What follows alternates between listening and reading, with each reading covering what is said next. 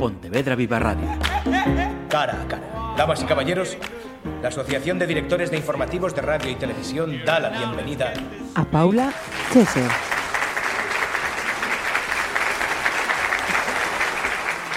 Seguimos esta semana con nombres vinculados o presentes en esa festa dos libros que recuerdo se va a desarrollar de viernes a domingo aquí en la Plaza de la Herrería. En este caso vamos a poner el foco en una joven ilustradora pontevedresa. Su nombre oficial, por decirlo de alguna manera, es Paula García Vázquez y su nombre oficial artístico es Paula Chesser. Y antes de seguir, digo que mm, lo he dicho bien porque me lo han chivado. Porque cuando yo lo dije, lo pronuncié mal. Paula, bienvenida, lo primero. Hola, muchas gracias por recibirme. Y con esto que acabo de decir, ¿qué porcentaje de veces decimos mal esto de Paula Chesser? bueno, pues bastante elevado, la verdad, pero a mí, a mí me da igual. Eh, me, da más pena que lo escriban mal, porque también lo escriben mal. Che, C, H, E, S, H, I, R, E. Exacto, la, la segunda H suele desaparecer. Ay, que yo entiendo que, es, mm, que no pude ser más rebuscada, así que tampoco soy tiquismiquis. Pero ahora que está, es que con esa manía que tenemos de decir todos los palabras eh, en otros idiomas y luego resulta que metemos la zarpa en estas cosas. Somos así de simples. Bueno, pues vas a estar el domingo compartiendo una charla con otras ilustradoras, como por ejemplo, y la nombro a ella porque ya la habíamos tenido hace un tiempo aquí y guardo un grato recuerdo de ella. Eh, por ejemplo, Eli García. Sí. Que también es otra de las ilustradoras que, que nos gusta mencionar por el trabajo que, hace. ¿Desde cuándo estás, digamos, operativa en el sector de la ilustración, Paula? Pues eh, oficialmente desde, desde el 2021, que fue cuando decidí hacerme autónoma y dedicarme full a la ilustración. Eh, después del año pandémico horrible que pasamos, eh, como que dije que, no sé, pensé que necesitaba intentarlo por lo menos, eh, pues a ver si, si, salía bien y si no, pues por lo menos haberlo intentado. Así que desde el 2021, pues activamente y dedicándome solo 100% a, a, la ilustración. Entonces veo que mm, intensos estos últimos añitos, porque recorrido que yo he visto. Tú corrígeme si en algún momento me dices, no, eso no, eso no es exacto. Un tesoro para Martín, eh, tú ilustras este título de Lucía Ribeiro. Luego también Mi Kids o Mi Kids. Sí, bueno, yo le digo Mi Kids, pero la verdad nunca, nunca les pregunté a los editores cómo era. Eh, tú también ilustras ese título de Alba de Evan y Xavier Domínguez. Eh, cuentos para entender el planeta de María Mosquera. Has trabajado también para Anaya, ilustrando libros para cursos de primaria. Y luego vamos a seguir con, más cosas. Eh, denominador común hasta aquí, hasta estos eh, títulos. Público infantil, destinatario infantil. ¿Qué pasa? ¿Tú te sientes más cómoda? ¿Ha ido surgiendo así? ¿Tú has ido atendiendo todas esas demandas? Pues me siento, o sea, el estilo eh, para niños, me siento muy cómoda eh, con ellos. Eh, y eso que a mí los niños me da mucho miedo. No soy una mujer de niños, pero me gusta mucho dibujar para ellos porque permite jugar más con las formas, los colores y, con todo. Así que disfruto mucho dibujando para, para, para chavalitos y chavalitas. Fíjate, a mí me parece que es más difícil incluso que para una adulta. Puede ser, pero no lo sé, porque a mí luego me enfrentas a, dibujar para gente más, público más adulto y me cuesta muchísimo. Entonces, al final es por donde te muevas tú más cómodo y más, pues mejor. Sin duda, sin duda alguna. Vale, eh, seguimos. El año pasado eh, publicabas con editorial Fandogamia El Duelo. Eh, que te lo planteabas, he visto, pues tras la, pérdida de tu madre. Ahí en este caso ah, entiendo que ya no es una cuestión solamente de, buscar un público concreto, sino por lo que he leído de llevar a tu terreno profesional esa necesidad de sacar fuera. Eh, sí, o sea, el, duelo lo, lo, dibujé y lo escribí para mí. Eh, los de Fandogamia eh, me dieron cobijo y se lo agradezco muchísimo, la verdad, porque sin ellos no hubiera hecho muchas cosas de las que acabé haciendo. Pero también es verdad que como cuando me pasó, cuando eh, murió mi madre, me sentí tan, tan perdida, tan sola, aunque tengas familiares que, que estén pasando por lo mismo y tal, es como una situación en la que te, te aíslas inconscientemente. Entonces también quise hacerlo, aunque el 99% es por mí, también quería hacerlo por, por las, para que una persona que pase por algo parecido lo, y lo... Y lo viva. Y lo viva, claro, se reconozca un poco en, en esas cosas y, y, recibo mensajes de gente que me agradece haberlo hecho y no sé, yo alucino, o sea, me siento muy bien eh, ayudando de, pues de esa manera, contando simplemente pues lo que me pasó a mí. Es generoso por, por tu parte. Eh, en este caso, entonces, en el duelo ya estamos hablando eso de un perfil de edades pues, eh, pues más alto, pero que además eh, entra por, por, los ojos. Y mm, tenía yo aquí un dato erróneo, porque el siguiente título del que quería hablar es Me das ansiedad, que es el que vas a llevar a la feira, a la feira, a la festa dos libros, pero que no es el mismo que ya tienes publicado. Así que te pregunto, acláranos, a ver qué pasa con Me das ansiedad. Claro, Me das ansiedad, a ver, yo empecé, eh, antes de, un poco antes de hacerme autónoma, empecé subiendo eh, tiras a redes quejándome de cosas pues, que nos pasan, sobre todo a los millennials, que somos como los maltratados de la vida. Y, entonces, eh, cuando decidí pues, eh, dar el salto y tal, eh, vi que tenía suficientes viñetas para hacer un recopilatorio y autoeditarme un fanzine yo. Entonces dije, bueno, pues voy a intentarlo. Y lo intenté y salió bien. y, y, entonces, esto fue en el 2021. Ajá. Y como ya decía, cuando este año vendí las últimas copias del fanzine, ya dije que no lo iba a editar más porque el papel ha subido mucho y yo no soy una editorial, no tengo ese poder adquisitivo, claro. Entonces, eh, Fandogamia, los mismos que los del duelo, me propusieron editarlo ellos y ampliarlo, porque yo he seguido haciendo viñetas ah, nuevas y ah. tal. Entonces, eh, pues ahí hicimos un acuerdo y, y ahora va a salir el Me das ansiedad 2.0. 2.0, editado por Fandogamia.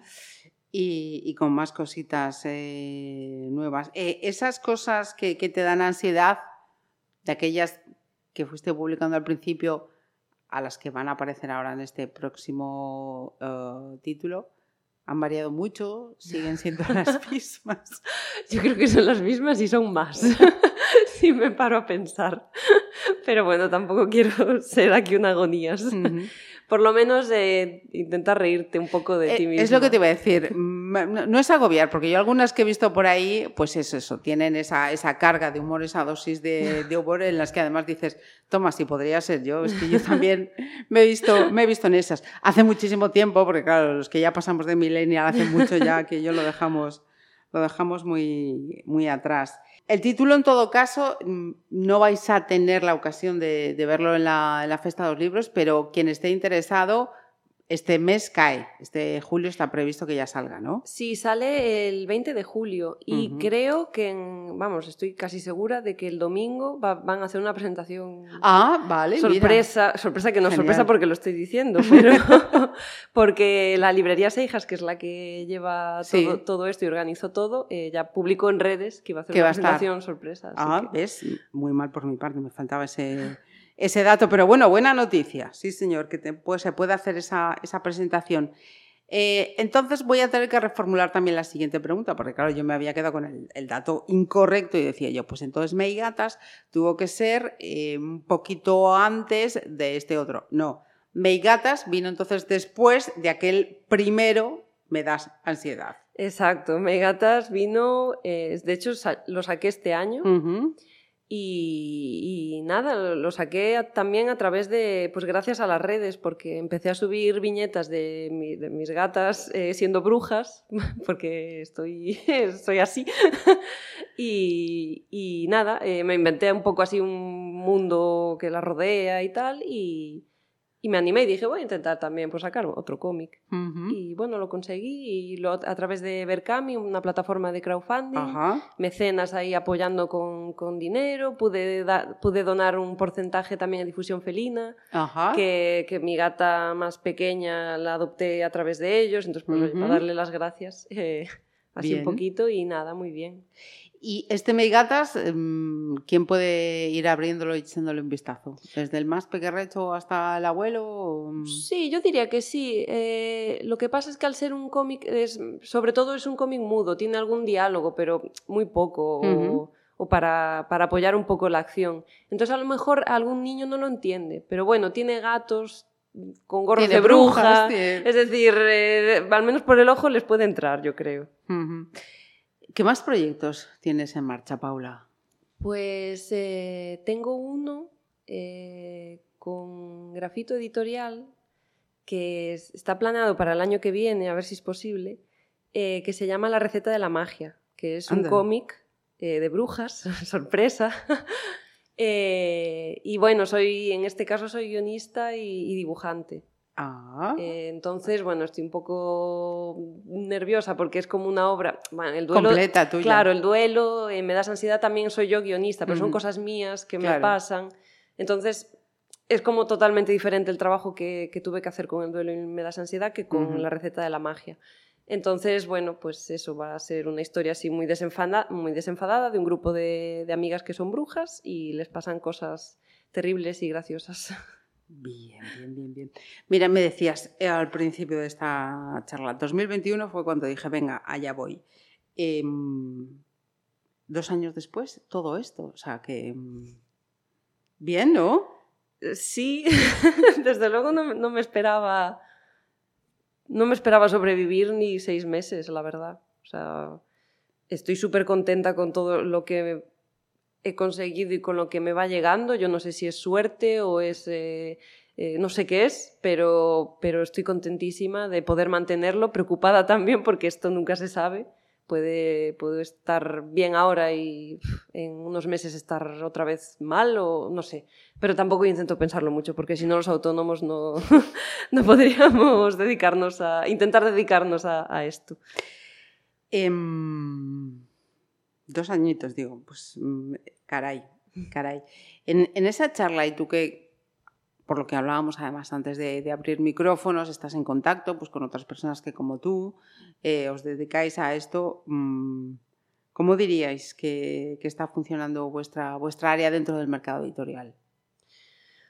Pues es, es muy difícil porque hay mucha, hay mucha oferta, hay muchos ilustradores y es, es una especie de competición, pero tampoco, porque es competición, pero luego entre nosotros nos llevamos todos muy bien normalmente. O sea, yo no, te- no tengo ningún problema, ni tuve nunca ningún, ningún enfrentamiento con ningún, ninguna compañera ni ningún compañero de, de oficio, porque es que todos nos ayudamos, eh, sobre todo en temas de esta editorial, cómo va, eh, presupuesto, mira, yo pensaba esto, como más o menos tú que has trabajado. Es decir, siempre estamos ahí para, para Ujú. ayudarnos. Pueda, puede ser que no sea así todo siempre y haya algún roce en algún momento, Ojalá que no. pero bueno, nunca se sabe. En general, muy buen ambiente, pero sí que es complicado meterse en el, en el como en el ciclo de, de ir pasando de trabajos a otros. Ujú. eh, es es, eh, ser muy constante, ser muy constante, mandar mucho portfolio, no parar de dibujar y, y acostumbrarte a que te digan que no, porque te dicen muchas veces que no. Caray. Eh, para eso también hay que estar preparado, ¿eh? Eh, además de escribir y, y estar ahí dándole, bueno, de escribir, de dibujar, de ilustrar, de, de crear, en definitiva, eh, las ferias imagino que también son un escaparate importante para situaros ¿no? en, el, en el sector. Y he visto que tú también viajas por ahí adelante bien, ¿no? Sí, yo tuve suerte este año y me, me invitaron al Salón del Cómic de Valencia y al de Barcelona. Además, eh, recibí nominación, de, en, en Barcelona recibí nominación por el premio Autora Revelación, de- el premio Miguel Gallardo. Mm. Y en Valencia gané por el duelo, o sea, Autora Revelación también. Y bueno, eh, claro, yo es que alucinando, no es que además aquí en Galicia, que es súper complicado viajar y salir de, de, Galicia, porque bueno, pues está... Sí, parece que es un universo lo que hay que recorrer. Claro, exacto, pues estamos aquí un poco en la esquina. Eh, pues eh, claro, yo visitando Valencia. Espera, que voy a hacer un paréntesis. Voy a meter ahí la cuña porque no me, puedo, no me puedo aguantar. El problema no es que estemos en la esquina, el problema es que. Mmm, frente a otros lugares, no nos han puesto los medios para que esa distancia mm, no parezca tan grande. Sí, no lo quería decir tan así, porque a veces, ya, ya lo digo yo. a veces son un poco borde, pero es verdad, es muy difícil, sobre todo si no tienes disponibilidad de coche. Eh, tienes que andar molestando a amigos porque los autobuses también están ahí, ahí Renfe está ahí. ahí. No, no, es por lo que decía. No hay medio de transporte, sea cual sea que Exacto. a día de hoy lo facilite. Es, es muy complicado. Entonces, eh, claro, eh, cansa mucho también, mm. pero, pero es muy guay porque conoces a, desvirtualizas a muchos autores eh, y conoces gente que te, que te felicita, te da las gracias. Eh, yo qué sé, un sueño, la verdad. Pero también me hace mucha ilusión estar aquí en, en mi ciudad. Claro. Porque es como, wow, me, a mí me gusta mucho Pontevedra. Llevo viviendo aquí toda mi vida y firma, poder firmar aquí es, es, me parece total. Y sobre todo que, que, que hagan como la exclusiva de presentar un, mi uno, cómic, de uno de mis cómics. Es uh -huh. muy guay, me encanta. Has mencionado Valencia, has mencionado Barcelona y he visto en Bilbao también habías hecho... Sí, estuve en Bilbao también. Uh -huh. Y bueno, luego en Coruña, sí, a nivel, a nivel Comunidad. gallego. Uh -huh. Bien. Bien, bien, bien. O sea que mmm, especialmente contenta con ganas de que llegue el domingo para hacer esa presentación en tu ciudad, en tu sitio, y que, y que vean uno de los valores que tenemos en este sector de la ilustración que me parece importantísimo. Estoy, estoy viendo los brazos de Paula, que tiene dos tatuajes. Eh, imagino que el tatuaje tú no lo has hecho, pero no sé si el dibujo, lo que es el diseño, es tuyo. Sí. Exacto, sí, sí, son los dos míos. Uh -huh. Y nada. Eh, bueno, lo puedo decir que son. Sí, sí. por favor. Pues eh, justo los dos que estás viendo son de un videojuego que se llama The Legend of Zelda. Ajá, sí. Que es uno de mis videojuegos favoritos, de mis sagas favoritas, la que más me inspira en un mogollón de cosas. Y bueno, pues decidí pues, ponerme justo estos dos. Tengo más de la ah, huella de sí. mi gata, tengo uno que me hice con mi hermana en honor a mi madre. Ajá. Eh, pero bueno, diseñados todos. Sí, diseñados por mí. ¿Ves las ventajas que tiene? O sea, quiero hacer un tatú, yo me lo diseño. Otro me lo, me lo claro. tatúa, pero yo me lo, me lo diseño. Pues eh, Paula, de verdad, todo un placer que este, estos dos años eh, se prolonguen, por lo menos con esa intensidad en, en, en, tu trabajo, que siga yéndote igual, igual de bien. Felicitaciones por ese momento en el que dijiste, allá voy, porque es evidente por lo que acabamos de contar que estabas, estabas acertada Muchas y que gracias. disfrutes mucho de la jornada del domingo. Muchas gracias. Pontevedra Viva Radio. ¿Me permiten que les haga un comentario como espectadores del programa Cara a Cara? Según un reciente sondeo de mercado, ustedes disponen de estudios e inteligencias superiores a la media. Sus intereses abarcan desde la actualidad mundial y la ciencia hasta el deporte y los espectáculos.